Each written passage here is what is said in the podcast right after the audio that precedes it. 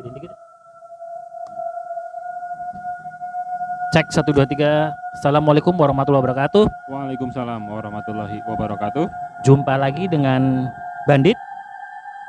Saya Bayu. dan saya Adit. Ya, kita dalam episode kali ini akan berbicara tentang eh apa nih? Rumah, Rumah angker. rumah angker, rumah angker. Ya, salah satu rumah angker kalau yang gua tahu nih, Dit. Rumah angker itu karena biasanya sewaktu dibangun memang sudah ada penghuninya nih. penghuninya. Atau memang biasanya orang eh, untuk meminimalisasi biaya dia cari tanah kosong. Ya. dan memang yang lain itu kayak nggak Iya. Terus aja nggak apa-apa, nggak apa-apa. Biasa itu iklan-iklan itu kan. Eh, Ya kan? eh, Cari rumah yang tanahnya kosong atau Oke. mungkin dia mau eh, ngerenov eh, sayang kalau udah ada yang bangunannya. Iya. Nah, ini dia cari ru- tanah kosong nih. Atau enggak? Tapi dia, di- tapi dia nggak tahu histori tanah itu sebenarnya. Tanah apa. Atau Ya. mungkin udah ada pohon-pohon yang ya kalau udah tahu bangunannya kosong terus udah gitu bekas tanah kuburan ya- yang salah ya menurut gue sih yang bangun itu sih gitu loh. Ya kan? Terus udah gitu biasanya dia dikatakan angker kalau misalkan nih kayak ini nih nih nih, nih, Ini jujur nih kita lagi podcast di suatu halaman ada pohon sawo gitu samping kiri kita nih. Ya kan itu udah pasti kalau pohon sawo itu identik lah tante Kunti yang kemarin tujuh pohon salah satu pohon sawo loh eh, pohon sawo ya. Iya. Iya. Ini yang beberapa orang katanya lihat, biarin aja. Dia biar denger ikut kita. Udah pak, jangan ngomongin pohon pak. Temanya rumah. Terus udah gitu, misalkan di rumah situ ada yang bunuh diri, betul, ya kan? betul bunuh diri, Atau dibunuh. dibunuh biasanya itu, ya kan? Ah. Historicalnya biasanya orang-orang kaya tuh pak. Emang orang miskin nggak nggak nggak mungkin dibunuh? mungkin juga orang Mungkin miskin juga ya. stres dia bunuh diri. Cuman ru- coba lo lihat rumah-rumah yang apa, yang yang lo tahu deh yang sering dengar rumah-rumah angker tuh. Rumah apa? Pondok Indah, Oh, kan? Lo lihat rumah rumahnya gede kan? ya. Nah, terus rumah apa lagi? Darmo, Nah, itu gede- kurang gede apa tuh rumah? iya. Ya kan? Nah. Terus maksud lo Ya, ada nggak rumah? rumah angker tuh pasti orang kaya semua gitu? Coba ada nggak yang, yang luas tanahnya 60? luas banget. Ya kan? Coba cari. Dia Apa miskin. kem- kemarin tuh belum Berarti ada. kesimpulannya gini. Setan itu dari kalangan orang kaya. Terus emang Setan tuh milih pak, milih rumah. Percuma. Jadi kalau udah ada yang gede ngapain dia? Gitu. ya udah lo punya cerita apa tuh situ tuh. Malah kita debat masalah setan kaya setanku Nah. miskin. Nah ini nih pak. Apa? Nah, di sini ada rumah angker terbengkalai dengan suasana mencekam. Nah ini rumahnya eh, belum mainstream nih. Cuman gua nggak tahu deh teman-teman di sini udah pada pernah dengar belum. Yang pertama rumah kuntil anak Bis. Batu Raden. Batu Raden. Akhirnya punya rumah juga nih pak. Purwokerto. Purwokerto. PR nih do ini. Nah rumah ini adalah rumah properti film horor kuntilanak dan kini dibiarkan terbengkalai begitu saja. Didirikan di tengah hutan dan dikelilingi oleh pepohonan berukuran besar. Saat dikunjungi oleh salah satu youtuber penjelajah tempat horor, rumah kuntilanak ini sudah nampak lapuk dan tidak terawat. Selama proses syuting memang banyak terjadi hal-hal mistis menurut para kru film. Tidak terhenti hanya di situ, menurut masyarakat pun banyak terjadi gangguan dan penampakan hantu di rumah ini. Jadi rumah ini bikin buat properti film doang pak. Tapi akhirnya beneran. I- iya, ta- i- gimana nggak beneran? Bangunnya di tengah hutan pak. coba, siapa yang mau nempatin coba? Kayak rumah yang di Pengalengan ya, rumah pengabdi setan tuh Ini ya. Rewat juga nggak mau ngiklanin pak. Aduh. Kalau dijual tengah hutan posisi kan biasanya kalau jual rumah 5 menit ke jalan tol, Heeh, ya kan? 10 menit ke pasar modern. heeh. Coba kalau ini. Mungkin 10 menit ke terminal. Dari terminal bisa lanjut lagi setengah jam ke kota. mungkin Raiwat kalau mau jual itu ke Susah. para demit-demit kan itu Ah. laku tuh. Mungkin di sana juga ada Iya, ya. iya. Tapi belum laku. Nah ini makanya ya gimana nggak angker di, di tengah hutan dan dikelilingi oleh pepohonan berukuran besar pak. Ini udah termasuk udah nggak usah disangkal lagi yang ini mah. Rumah kuntilanak Batu Raden. Iya, iya. Nah, yang kedua nih Ada berapa? ada lima ada. Oke. Nah, ini rumah angker kolonial Belanda Semarang. Oh, udah pasti ya. Ini kan sejarah menandakan biasanya nih. Hmm. Era kolonial Belanda di Indonesia berlangsung selama ratusan tahun dan selama itu juga banyak meninggalkan bangunan-bangunan kolonial. Salah satunya rumah era kolonial Belanda yang didirikan di lahan seluas 1 hektar. Didirikan antara rentang tahun 1928 hingga 1930. Widih. Candi apa rumah nih? Pak? Pemilik pertama dari rumah ini tidak pernah diketahui. Namun sekitar tahun 1980-an, hak milik rumah ini beralih ke tangan orang lain. Anehnya, orang tersebut tidak pernah menghuni rumah ini, bahkan hingga sekarang pun dibiarkan terbengkalai. Banyak rumor yang beredar di masyarakat mengenai rumah ini. Katanya sering muncul penampakan hantu noni Belanda, hantu nenek-nenek, serta kuntil anak. Ih, kuntilanak lagi. Banyak rumahnya. Termasuk yang samping kiri lo nih. Emang ada, Pak? Ada, udah. Gile lu. Gua ngomongin dia dari tadi. Rumor yang paling menggegerkan dari rumah ini adalah pada tahun 1930-an. Pernah ditemukan seorang asisten rumah tangga bunuh diri di rumah ini.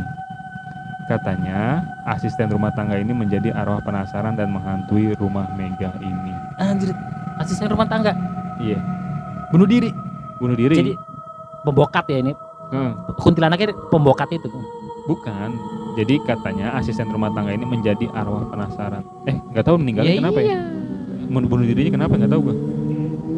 Nah, ngomong-ngomong rumah angker sama pembokat itu tadi, kita kedatangan tamu nih. I- Iya, Iya, ada ada teman kita nanti mau sharing ya. Iya, iya. Cuman ini masih ada masih ada pak. Mau kita selesaiin itu apa Iya. langsung? Ah, Selesai dulu ini oke, oke, Ah. oke. Yang ketiga ada rumah angker mewah terbengkalai Cibubur tuh. Rumah angker mewah mulu. Ya kan? Rumah yang didirikan di lahan seluas 100 meter persegi ini memiliki konsep Eropa klasik dengan pilar-pilar khas dan telah terbengkalai sejak tahun 2009. Hmm. Tidak ter- tidak pernah terdengar kisah tragis seperti pembunuhan atau bunuh diri di rumah ini. Tapi menurut masyarakat sering terjadi penampakan. Hmm. Katanya ketika menjelang malam kerap terdengar suara wanita bersenandung dari rumah ini. Anjir. Kisah seram ini membuat orang yang ingin membeli jadi takut. Bahkan tidak ada orang yang berani membeli rumah di sekitar rumah ini. Gila gara-gara rumah ini, rumah sebelahnya jadi kena dampaknya, Pak. Oke, oke, oke, oke, oke, oke. Nah, selanjutnya, Nah, Wah, ada yang- cemilan ini asik banget. Yang keempat ini nih, ini gue pernah lihat Villa Kaliurang Yogyakarta. Oh iya, udah. Ini kali. pernah lihat. Iya, iya, berapa kali emang, gue lihat. emang pas gue lihat ini udah ada suasana mistis, Pak. Nah. Nah, menurut kabar yang beredar, villa ini didirikan pada masa kolonial Belanda dan setelah itu menjadi milik Keraton Yogyakarta. Banyak sekali cerita mistis yang beredar tentang villa Kaliurang yang berdiri di kelilingi pepohonan rimbun. Beredar rumor sering terjadi penampakan noni Belanda, kuntil anak, suara jeritan hingga langkah misterius yang terjadi di villa ini. Bahkan pernah ada mahasiswa yang tersesat dan sampai ke villa ini. Dia dihantui bermacam penampakan dan hal-hal di luar nalar lainnya. Tante Kunti lagi ya. Tante Kunti itu sedang banget ya di rumah-rumah kayak gitu ya. Tante Kunti lagi. Nah yang terakhir nih Pak, rumah angker bekas bunuh diri di Semarang. Heeh. Enggak, gue nggak tahu alamatnya di mana nih. Rumah ini berdiri di lahan seluas 200 meter persegi dan sudah terbengkalai sejak lama. Di tahun 2002 lalu, masyarakat setempat digegerkan oleh penemuan mayat di salah satu kamar mandi rumah ini. Ternyata mayat tersebut adalah anak dari pemilik rumah. Oke, oke. Menurut penyelidikan, anak tersebut meninggal karena bunuh diri. bunuh Setelah diri. insiden bunuh diri itu, rumah ini ditinggalkan terbengkalai dan pemiliknya memilih pindah keluar kota. Oke. Apakah ada hal mistis yang terjadi di rumah ini? Melihat sejarahnya sudah tidak dapat diragukan lagi. Itu Pak. Jadi emang konon tadi rumah-rumah yang angker ini eh, historikalnya bunuh diri, pembunuhan ya. Yang dikirimin tadi nggak ada ya? Nggak ada. Nah ini kita punya kedatangan tamu nih, salah satu gerombolan juga nih, yang katanya dia adalah saksi sejarah rumahnya. 98, saksi sejarah 98 reformasi. 98 dia masih SD gue tahu banget. Atau mungkin masih TK atau 98 ini salah satu gerombolan malam eh gerombolan. Gerombolan bandit. Namanya siapa Om Ini gua perkenalkan diri namanya Tama aja. oke Tama Wisnu Tama Lo enggak, Anan Tama. Anan Tama oke Tam lu bisa ceritain nggak rumah lu katanya pernah cerita rumah lu itu sempat di banyak penampakan bahkan ada pengiriman Lu bisa ceritain nggak? Pertama kali yang lu alamin? Ini kalau diceritain full Heeh. sampai subuh. Kita hidup- bikin dua episode aja. hidupnya penuh penuh dengan misteri. By the way, by the way, ini yang barusan tadi kita obrolin udah Ada. udah pergi. Oh, udah Sementara ini pergi dulu. Oh iya baunya hilang pak. Sementara pergi dulu. Iya benar. Sementara pergi dulu ya. Mudah-mudahan gak ikut di mobil lo. Oh iya, oh, gila lo pak. Sementara udah pergi dulu nih. Gue udah bilang nih, sementara pergi dulu. Tadi udah sama yang be- dari Bandung tadi kalah Prabu Siliwangi. Di serius wanginya hilang. Eh baunya hilang pak. Iya kan. Asik ya. Iya, Berba benar, benar. bermain kayak gini-gini emang ayah. Apanya asik?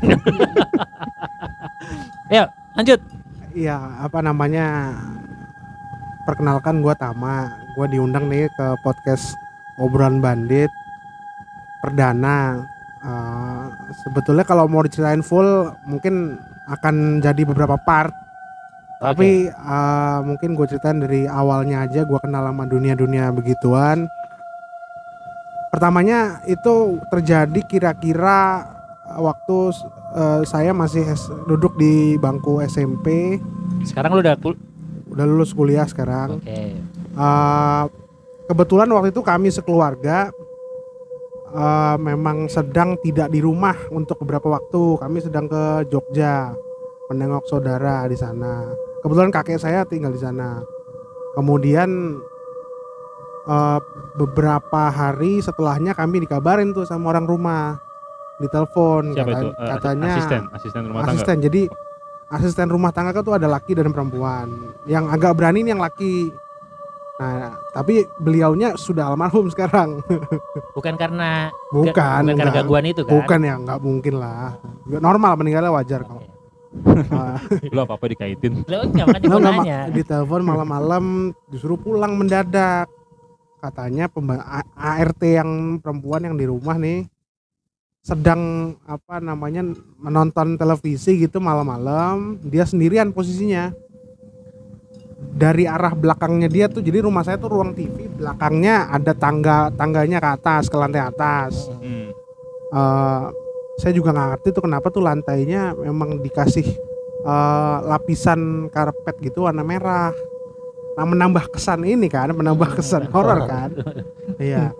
Nah terus ketika dia lagi nonton TV tuh diteriak ada suara teriakan perempuan dari belakang menjerit gitu dia lari pembantu saya kaget lari keluar rumah akhirnya telepon ART saya yang perempuan eh yang laki-laki sorry ya Teriaknya kayak gimana? Lagi nonton apa itu asisten yang cewek? uh, nonton TV nonton televisi Iya, biasa apa acara? Mungkin Wah, kaget-kaget kali enggak, yang itunya. nggak mungkin lah Si itunya kaget paling kali. paling sinetron sinetron gitu Iya maksudnya mungkin kaget kali ya dengan jalan cerita sinetron jadi suara jadi suara dia sendiri maksudnya?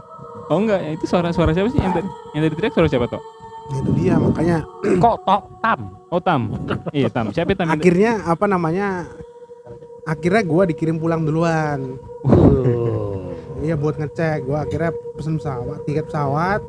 Gua balik tuh ke rumah. Eh, supaya kondisi di rumah senggangannya kondusif nih. Jangan sampai kita suruh tunggu di rumah jaga rumah nanti dia kabur ninggalin pergi rumah kosong gitu kan gak ada kabar. Kayaknya lebih bahaya. Makanya ya udahlah saya putusin pulang ke rumah. Dan memang lo teriak juga toh akhirnya? Enggak dia, dia menurut cerita dia nih kesaksian dia enggak enggak ada siapa pun dia sendiri di rumah. Dan suaranya dari arah tangga tangga belakang. Nah setelah itu dan itu kejadian seperti itu gangguannya itu kepada ART saya tuh berulang. Ada yang di ruang TV ada yang di kamarnya dia. Kamarnya dia kebetulan di belakang. Nah di belakang itu rumah saya itu teras belakang ada kolam kolam ikan. Nah kamar ART itu di belakang di sampingnya kolam ikan. Dan itu dia cuma sendiri tuh katanya. Kalau malam ada yang ketok-ketok. Bahkan pas sakit nih pas lagi sakit ada yang masuk ke kamar dia nu apa menyuapkan dia makanan. Baik Mungkin dong. secara- kaget. Se- Mungkin dia baik. dia dia ceritanya gimana? Nyuapinnya gimana? cerita dia dia katanya sih setengah sadar tapi dia bilang begitu. Dia lagi sakit dia nggak enak badan gitulah. Terus setengah sadar dia ba- kebangun ada yang dulang dia istilah itu bahasa Jawa ya apa Dulang ya, menyuapi ha, menyuapi makanan. Nggak ngeliat wujudnya nggak Iya kelihatan kata dia kelihatan. Apa wujudnya sih seperti ibu-ibu tua gitu. Nah nanti itu sosok itu nanti akan nyambung di ketika saya melakukan pembersihan tuh, Nah, pembersihan rumah. Sip, sip, sip, Pokoknya intinya Ha-ha. eh, di sebelah ah di dalam kamar apa A- ART lo ya itu, ART. itu berarti ada sosok nenek-nenek Mungkin di yang, yang kolam. terlihat oh yang kolam Mungkin di kolam. Nggak mungkin dalam dalam kamar, nggak mungkin dalam kamar. Oh, di kolam Tapi menurut gua baik ya, dia, dia lagi sakit disuapin tuh. Walaupun demi Mungkin ya peduli. peduli, Heeh. badan makan cacing atau daun kali itu. nggak memang makan tapi memang kondisi dia setengah sadar sih kita nggak nggak bisa konfirm itu bener bener disuapin apa enggak tapi menurut kesaksian dia dia agak sadar Terus terus? nah terus eh, nambah pokoknya teror itu Hmm. berulang nambah ya. Apa namanya Seru-seru. si akhirnya nih ART ini nggak betah nih akhirnya ganti apa namanya dia udah nggak mungkin nggak kuat gitu secara mental karena rumah sering kosong dia sendiri kan Heeh. kita semua kan pergi terus cobaan akhirnya mulu ya. ganti ah, Yoi. beberapa ada ART yang udah sepuh gitu udah udah nggak udah nggak muda udah nggak udah mungkin apa bayangan kita nih satu keluarga kalau yang muda takut harusnya kan kalau ART-nya di situ agak agak apa ya sepuh gitu mungkin lebih berani mungkin ya Heeh. dan apa namanya teror kepada beliau nih ternyata nggak berhenti ter- terhadap ART ya penghuni rumah tuh full aman nggak pernah ada gangguan Jadi cuma ART ya. Heeh. Berarti ART. mungkin, mungkin- beliau ART Dulu hantunya ini ART nih mungkin. Iya mungkin. Ya, saya nggak tahu juga gue. Terus terus. Nah, apa namanya? Itu memang jadi pertanyaan sendiri tuh. Kita tuh satu rumah tuh udah tahu sama tahu nih kalau misalnya ART udah mulai resign. udah mulai mindik-mindik alasan Mau minta resign. ngobrol sama ibu atau sama saya atau sama bapak itu kemungkinan wah nih pasti diganggu nih sampai pokoknya tuh tiga kali pak ART kami tuh berganti gitu ya Hah?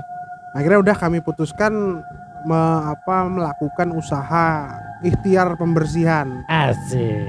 Ini. Ah, ya ikhtiar pembersihan tuh maksudnya kita mohon petunjuk mohon tuntunan kepada sang maha kuasa bagaimana caranya supaya kami sekeluarga ini tinggal di rumah nih tenang aman damai gitu tanpa gangguan yang bersifat eh, imaterial maupun material atau berwujud abstrak maupun yang konkret Hmm.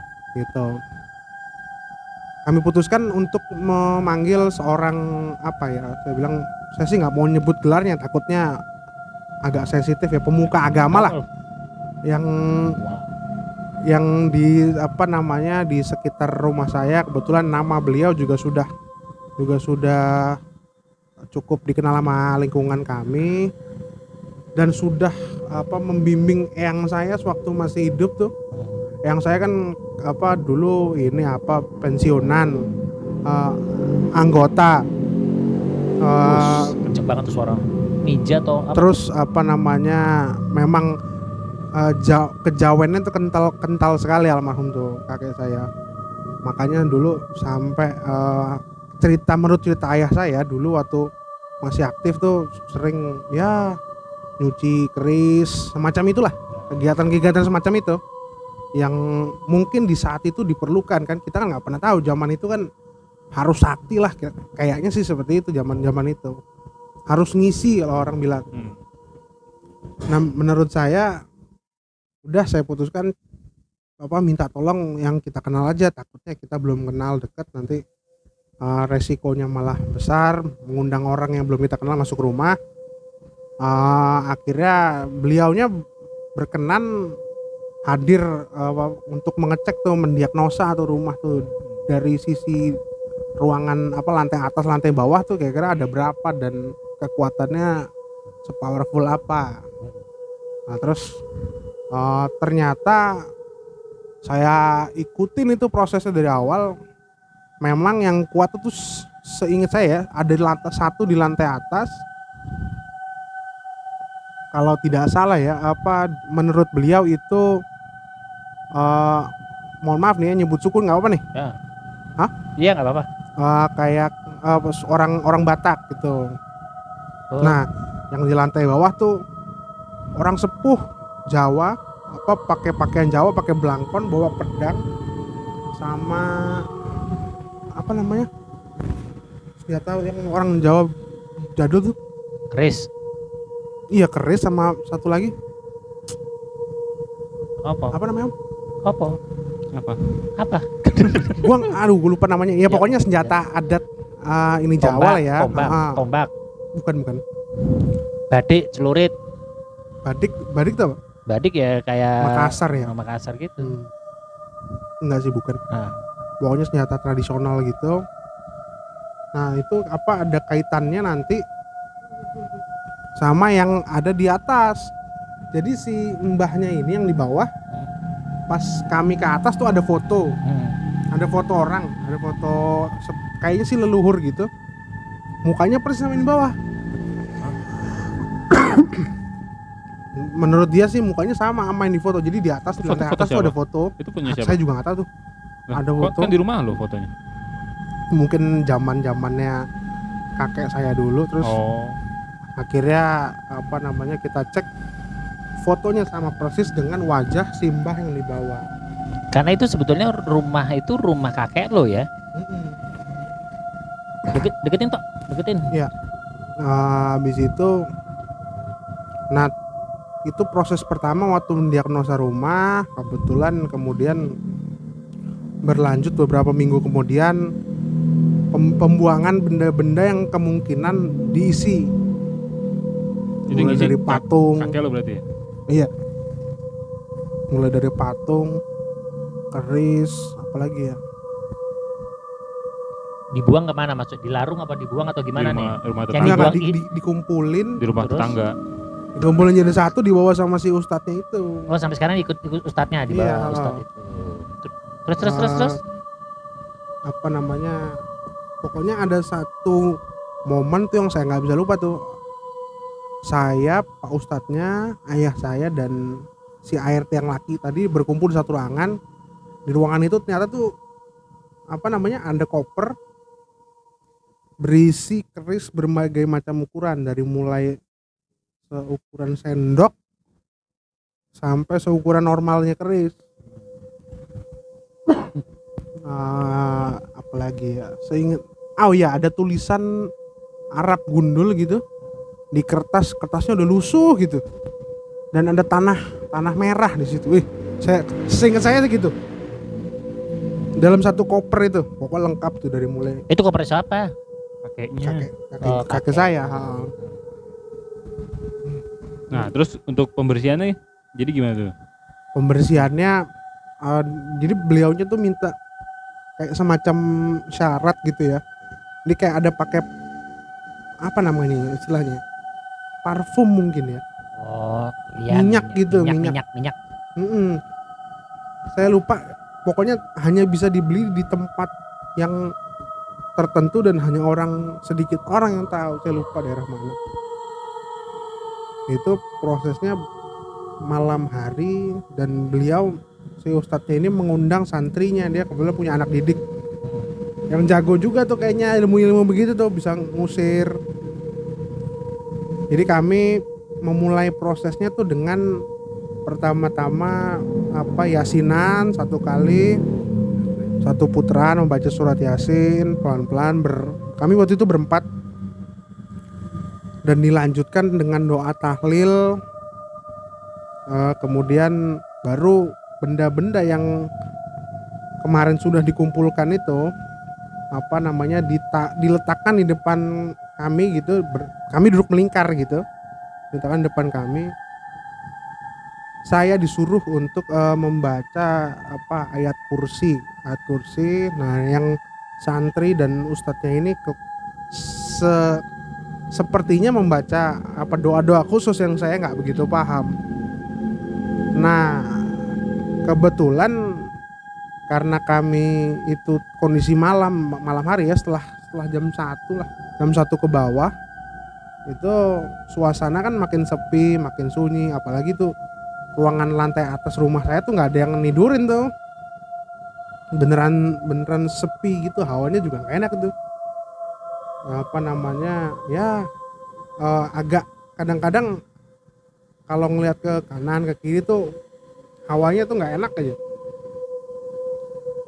Nah setelah beberapa kali putaran putaran membaca surat yang sama saya membaca ayat kursi ada keris dan pedang yang ditaruh di depan kami. Itu bergeser pindah tempat. Jaraknya cukup jauh tuh kira-kira hampir 40 40 cm lah. Untuk benda yang tidak digerakkan oleh manusia ya itu kan jauh tuh sebenarnya. Nah, habis itu kaget kami semua. Saya tuh hampir lari ke bawah. Saya bilang wah ini nggak nggak lucu nih kalau pedang nih sampai bergerak sendiri. Nancep. saya teri- saya kan agak agak refleks teriak ya. Bapak sama ibu saya di bawah denger. Heeh. nanya ke atas ada apa mas? Nggak nggak apa-apa. Saya bilang ya udah lanjut lanjut. Pokoknya po- sampai titik di mana si benda tadi itu pedang keris eh, itu dinyatakan sudah aman tapi ruangan atas nggak boleh ditinggal. Harus ada orang sampai seenggaknya subuh. Nah, akhirnya gimana cara? Kalau saya sendiri kan saya agak-agak nggak berani ya walaupun di rumah sendiri karena udah nggak ada yang nindurin tuh di atas. Ustadznya ke mana? Pulang. nah akhirnya santrinya disuruh pulang saya berdua doang tuh sama si Pak Ustadz tuh ngobrol. Ngobrol apa pun nah di tengah-tengah itu tuh eh, gangguan yang datang kepada kami tuh cukup cukup sering tuh. Pintu tiba-tiba menutup sendiri. Padahal pintu semua kami buka tuh. Pintu menutup sendiri. Habis itu kadang-kadang ada sekelebat bayangan dari arah pintu. Itu apa namanya itu seperti gangguan itu tuh terjadi dari malam hari sampai sampai pagi tuh. Si Pak Ustadznya akhirnya nggak nggak nggak saya izinkan buat pulang itu Lo kasih makan tapi kan. Kalau dicariin Iya, sama makan. cariin sama istrinya. Iya, istrinya. iya soalnya persyaratannya itu nggak boleh tinggal sampai sampai subuh Tapi sekarang udah beres rumah lo.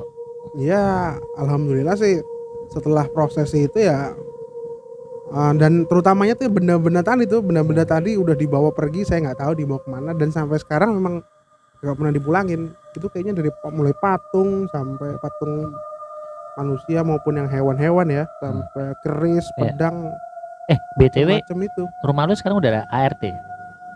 enggak akhirnya kita nggak pakai Lo nggak mau ngetes lagi ada ART lagi ngetes bandit gitu jadi ART lo Oh, lu aja. nanti baru taruh. baru semalam nanti nggak kuat Enggak, lagi pertanyaan gua rumah lo tuh udah bersih atau belum? Ya enggak, tadi dulu makanya tadi kan sampai di lantai mana lantai atas tuh ya. ya ya tuh kan sampai subuh tuh Ah, nah, terus nanti sampai subuh tuh ya setelah subuh ya memang terornya berhenti pas subuh pokoknya azan subuh tuh Hmm. kami sholat subuh udah terornya nggak ada lagi Nah, terus malam-malam besoknya? nah malam-malam berikutnya eh, apa namanya kan kebetulan si ART kami tinggal yang laki nih Hmm.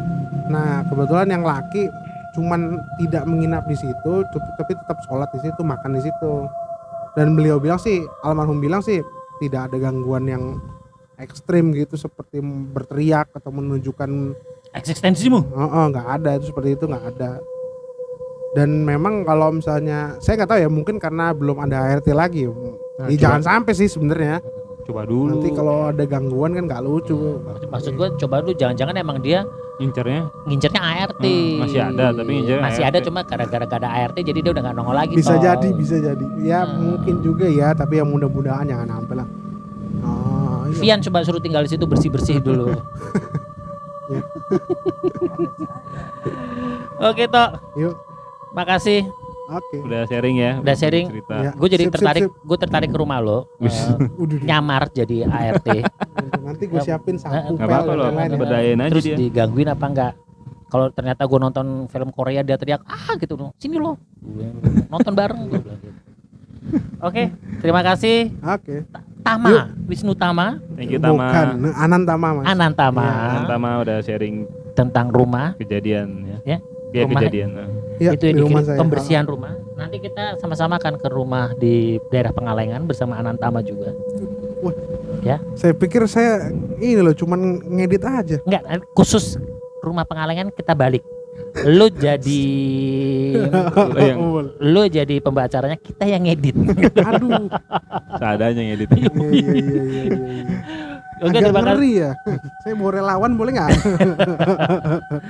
Terima kasih. Oh iya, makasih. Eh, Anantama Semoga rumahnya udah memang benar-benar bersih ya. Ya, Rumahnya benar-benar bersih. Semoga.